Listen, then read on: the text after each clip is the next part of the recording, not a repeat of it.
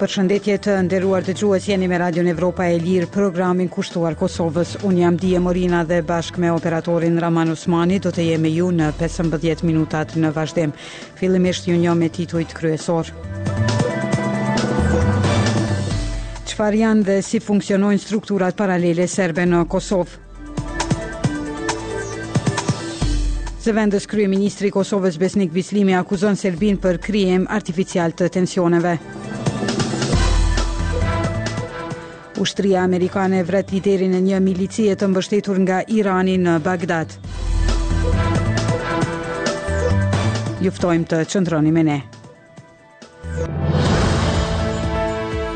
Radio Evropa e Lirë është media e pavarur amerikane e themeluar nga Kongresi i Shteteve të Bashkuara të Amerikës. Misioni ynë është promovimi i vlerave dhe institucioneve demokratike.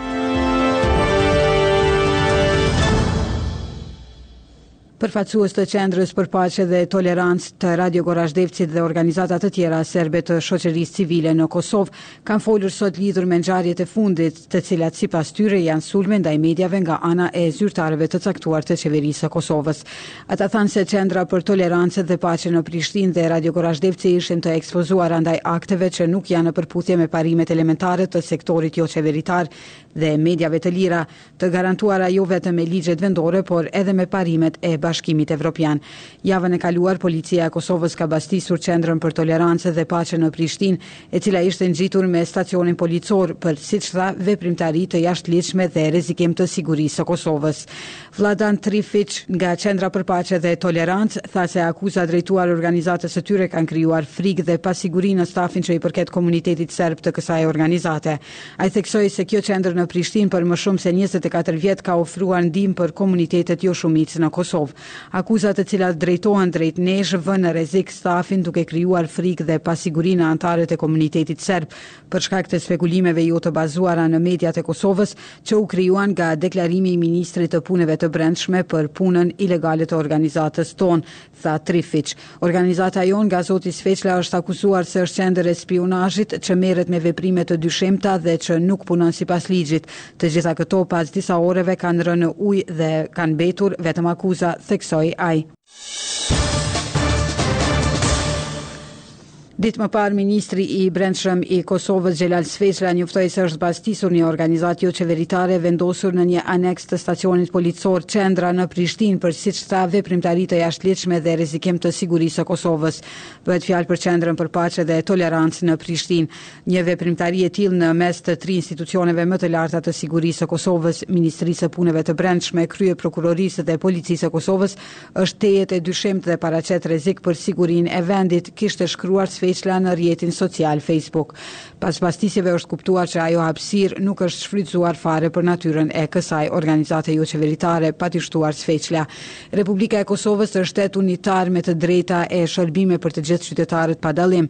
Ka kaluar koha kur në vendin tonë tolerohej paligjshmëria, kishte thënë Sveçla. Qendra për Paqe dhe Tolerancë është një organizatë joqeveritare themeluar në vitin dy mijë e dy sipas uebsajtit të saj. Sipas faqes së saj prej vitit një mijë e nëntëqind e nëntëdhjetë e nëntë në zyrën e kësaj organizate në Prishtinë, e cila është vënë në dispozicion të komuniteteve pakicë në qytet, është vendosur një qendër për komunitete. Thuhet se qendra përdoret nga qytetarët e Prishtinës nga komuniteti serb si një lloj qendre për ofrimin e shërbimeve bazë mjekësore. Kjo organizatë joqeveritare thotë në webfaqen e vet se është themeluar me qëllim për ta mbështetur forcimin e kapaciteteve të institucioneve lokale në komunat me shumicë serbe në Kosovë dhe për të lobuar për qeverisje lokale transparente. Shkarkoni aplikacionin e Radios Evropa e Lirë në App Store dhe Google Play.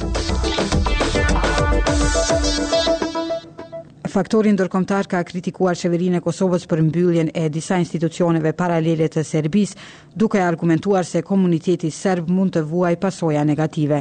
Çfarë janë këto struktura dhe si funksionojnë? Kolegja Krenare Cubolli shpjegon në pak minuta. Autoritetet e Kosovës njoftuan për mbylljen e disa institucioneve paralele serbe duke nxitur kritika nga Serbia dhe reagime nga faktori ndërkombëtar. Çfarë janë këto struktura dhe si funksionojnë? Shpjegojmë në pak minuta. Termi struktura paralele përdoret për disa institucione që funksionojnë në Kosovë që nga paslufta me mbështetje financiare dhe me direktiva nga qeveria e Serbisë. Për Serbinë, Ato janë organe të përkohshme. Beogradi zyrtar dhe një pjesë e serbëve në Kosovë ende nuk i pranojnë institucionet shtetërore të Kosovës. Që nga viti 1999, si institucione paralele në zonat me shumicë serbe në Kosovë janë afro 30 komuna dhe dhjetëra ndërmarrje publike, kopshte për fëmijë, shkolla fillore, të mesme e universitete publike, klube sportive, biblioteka, qendra kulturore e të tjera. Krerët e disa prej tyre i emron drejtpërdrejt qeveria e Sërbisë. Këto institucione besohet se kanë realizuar projekte, kanë lëshuar dokumente të ndryshme, ndihma sociale, shtesa për fëmijë e lehona dhe se kanë organizuar aktivitete kulturore dhe argëtuese. Një pjesë e tyre, kryesisht në zonat rurale në Kosovë, funksionojnë edhe nëpër shtëpi të marra me qira. Pse cilësohen struktura ilegale? Sipas autoriteteve të Kosovës, institucionet paralele serbe funksionojnë në kundërshtim me Kushtetutën. Në strategjinë e sigurisë të Kosovës, të miratuar më 2022, këto struktura përmenden si kërcënim për sovranitetin e vendit. Kosova beson se përmes tyre, Serbia po tenton të pengojë integrimin e serbëve në jetën institucionale të Kosovës. Institucionet paralele në Kosovë i konsideron ilegale edhe faktori ndërkombëtar. Puna e strukturave paralele të Serbisë ishte paraparë të rregullohej me marrëveshjen për themelimin e një asociacioni të komunave me shumicë serbe në Kosovë, të arritur mes dy palëve më 2013. Ndër vite është arritur një lloj përparimi në fushën e sigurisë dhe të gjyqësorit, por asociacioni nuk është formuar kurrë, kurse puna e strukturave paralele serbe ka vazhduar. Integrimi i serbëve në fushat tjera parashihet me një projektstatut të hartuar nga Perëndimi për themelimin e asociacionit. Udhëheqësit në Kosovë dhe në Serbi janë pajtuar në parim për të, por ende nuk janë ndërmarrë hapa konkretë drejt zbatimit të tij. Pse u riaktualizua kjo temë? Javët e fundit, autoritetet e Kosovës i kanë mbyllur 7 komuna paralele serbe, përfshirë ato në Dragash, Pejë, Istog, dhe Klinë. Ka pasur raste që i njëjti individ e ka udhëhequr njëkohësisht edhe komunën që vepron në kuadër të sistemit të Kosovës, edhe atë që funksionon me direktiva të Serbisë. Ministri i Brendshëm i Kosovës, Xhelal Sveçla, e ka shpallur të përfunduar kohën e paligjshmërisë.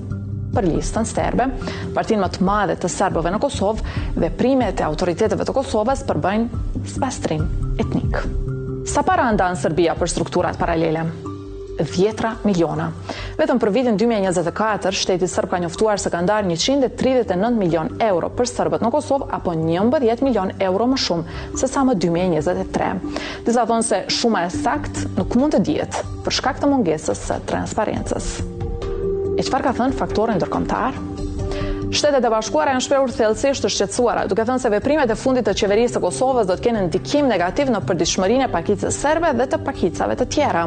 Bashkimi Evropian ka thënë se veprimet e fundit të autoriteteve në Prishtinë janë të pakoordinuara dhe ka kërkuar që çështja të zgjidhet në kuadër të dialogut të ndërmjetësuar nga vetë ai.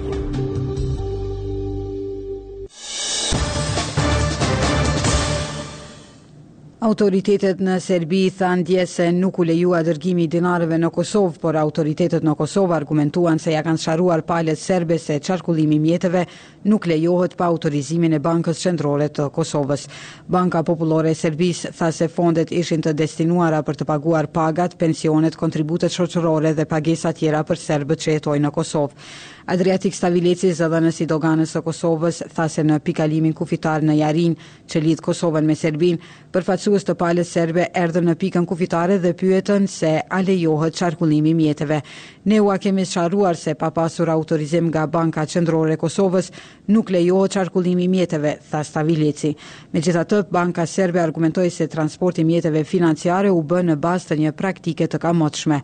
Në bazë të një praktike të kamotshme, automjeti i Bankës Popullore të Serbisë me mjete në dinarë, sot është dërguar në pikëkalimin në Jarinjë, ku paratë për transport të mëtejmë do të merreshin nga vetura e kompanisë Henderson, e cila ka licencë nga autoritetet e Prishtinës për transportin e parave, por ajo është kthyer pa asnjë shpjegim, tha dje Banka Popullore e Serbisë përmes një njoftimi. Kjo bankë tha se paratë ishin të destinuara të shkonin në kasafortën që ajo ka në Leposaviq, një prej katër komunave në veri të Kosovës ku serbët janë shumicë. Banka Popullore e Serbisë dënon fuqishëm incidentin e sotëm dhe rithekson se është e nevojshme që menjëherë të shfuqizohen masat diskriminuese dhe të paligjshme të ndërmarra nga autoritetet e përkohshme në Prishtinë për të mundësuar transportin dhe shpërndarjen pa telashe të dinarëve dhe për të parandaluar kufizimin e kushteve për jetë të popullatës serbe në Kosovë dhe Metohi, thuhej dje në njoftimin e tyre. Që nga një shkurti në Kosovë ka hyrë në fuqi një rregullore e Bankës Qendrore të Kosovës.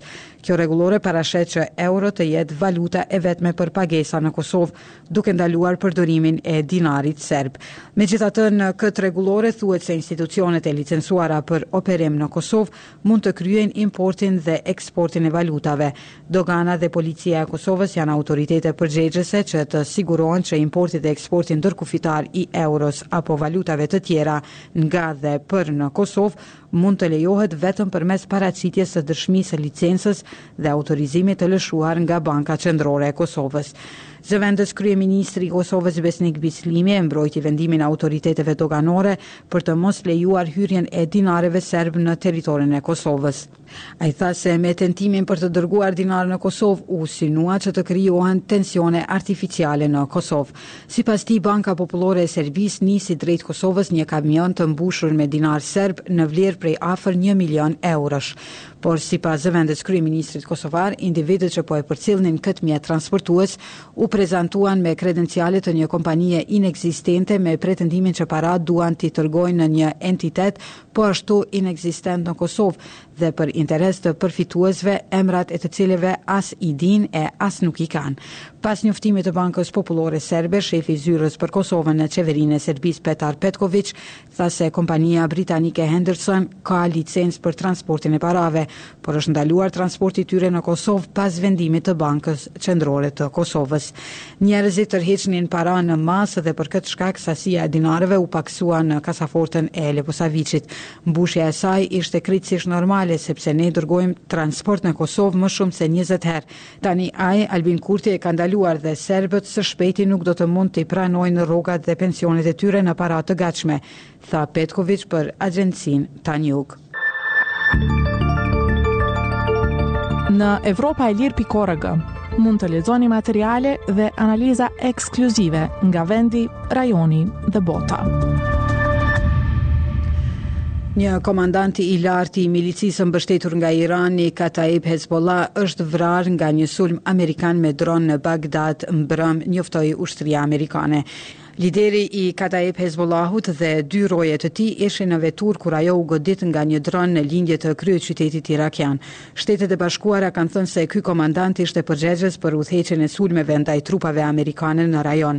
Në një komunikatë për media, Komanda Qendrore e SHBA-së tha se nuk ka indikacione për dëme kolaterale apo për viktima civile. Ajo shtoi se Shtetet e Bashkuara nuk do të ngurrojnë t'i mbajnë përgjegjës të gjithë ata që e kërcënojnë sigurinë e forcave tona. Sulmi ndodhi dy ditë pasi ushtria amerikane kreu sulme ajrore ndaj dhjetëra caqeve në Irak dhe në Siri, të cilat përdoren nga milicitë e mbështetura nga Irani dhe nga Garda Revolucionare e Iranit. Ushtria amerikane po i kryen këto sulme në rajon si hakmarrje ndaj një sulmi me dron, i cili i vrau tre ushtarë amerikanë dhe i plagosi mbi dyzet të tjerë në një bazë amerikane në Jordani në fund të janarit. Një shpërthim i madh e ndriçoi qiellin mbrëmë pranë Votkinskut, një qytet rreth 1000 kilometra në lindje të Moskës, vendndodhja e një fabrike ruse për prodhimin e raketave. Banorët e Votkinskut raportuan se një shpërthim i fuqishëm ndodhi pranë qytetit dhe postuan video në rrjetet sociale ku shihej flakë e madhe dhe flakërim i verdhë lart në qiell. Disa të tjerë thanë se shpërthimi ndodhi në fabrikën e makinerisë në Votkinsk, e cila prodhon disa prej raketave më të sofistikuara të ushtrisë ruse, përfshirë llojet që i ka përdorur kundër Ukrainës. Shpërthimi u raportua edhe nga agjencia shtetërore ruse e lajmeve, TASS, e cila e citoi agjencinë për shërbime emergjente duke thënë se ishte caktuar një testim i motorëve raketorë në fabrikë. Kjo nuk është emergjencë, por një ngjarje e planifikuar, tha një zëdhënës i ministrisë ruse për situata emergjente, sipas mediave shtetërore ruse. Por në websajtin e ministrisë nuk ishte asnjë tregues për ndonjë testim të planifikuar.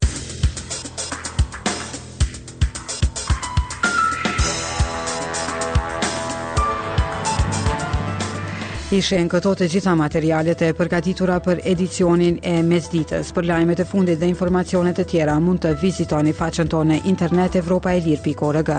Jemi aktivë edhe në rrjetet sociale Facebook, X, Instagram, Threads dhe YouTube. Deri në takimin tonë të radhës, mirë mbetshi.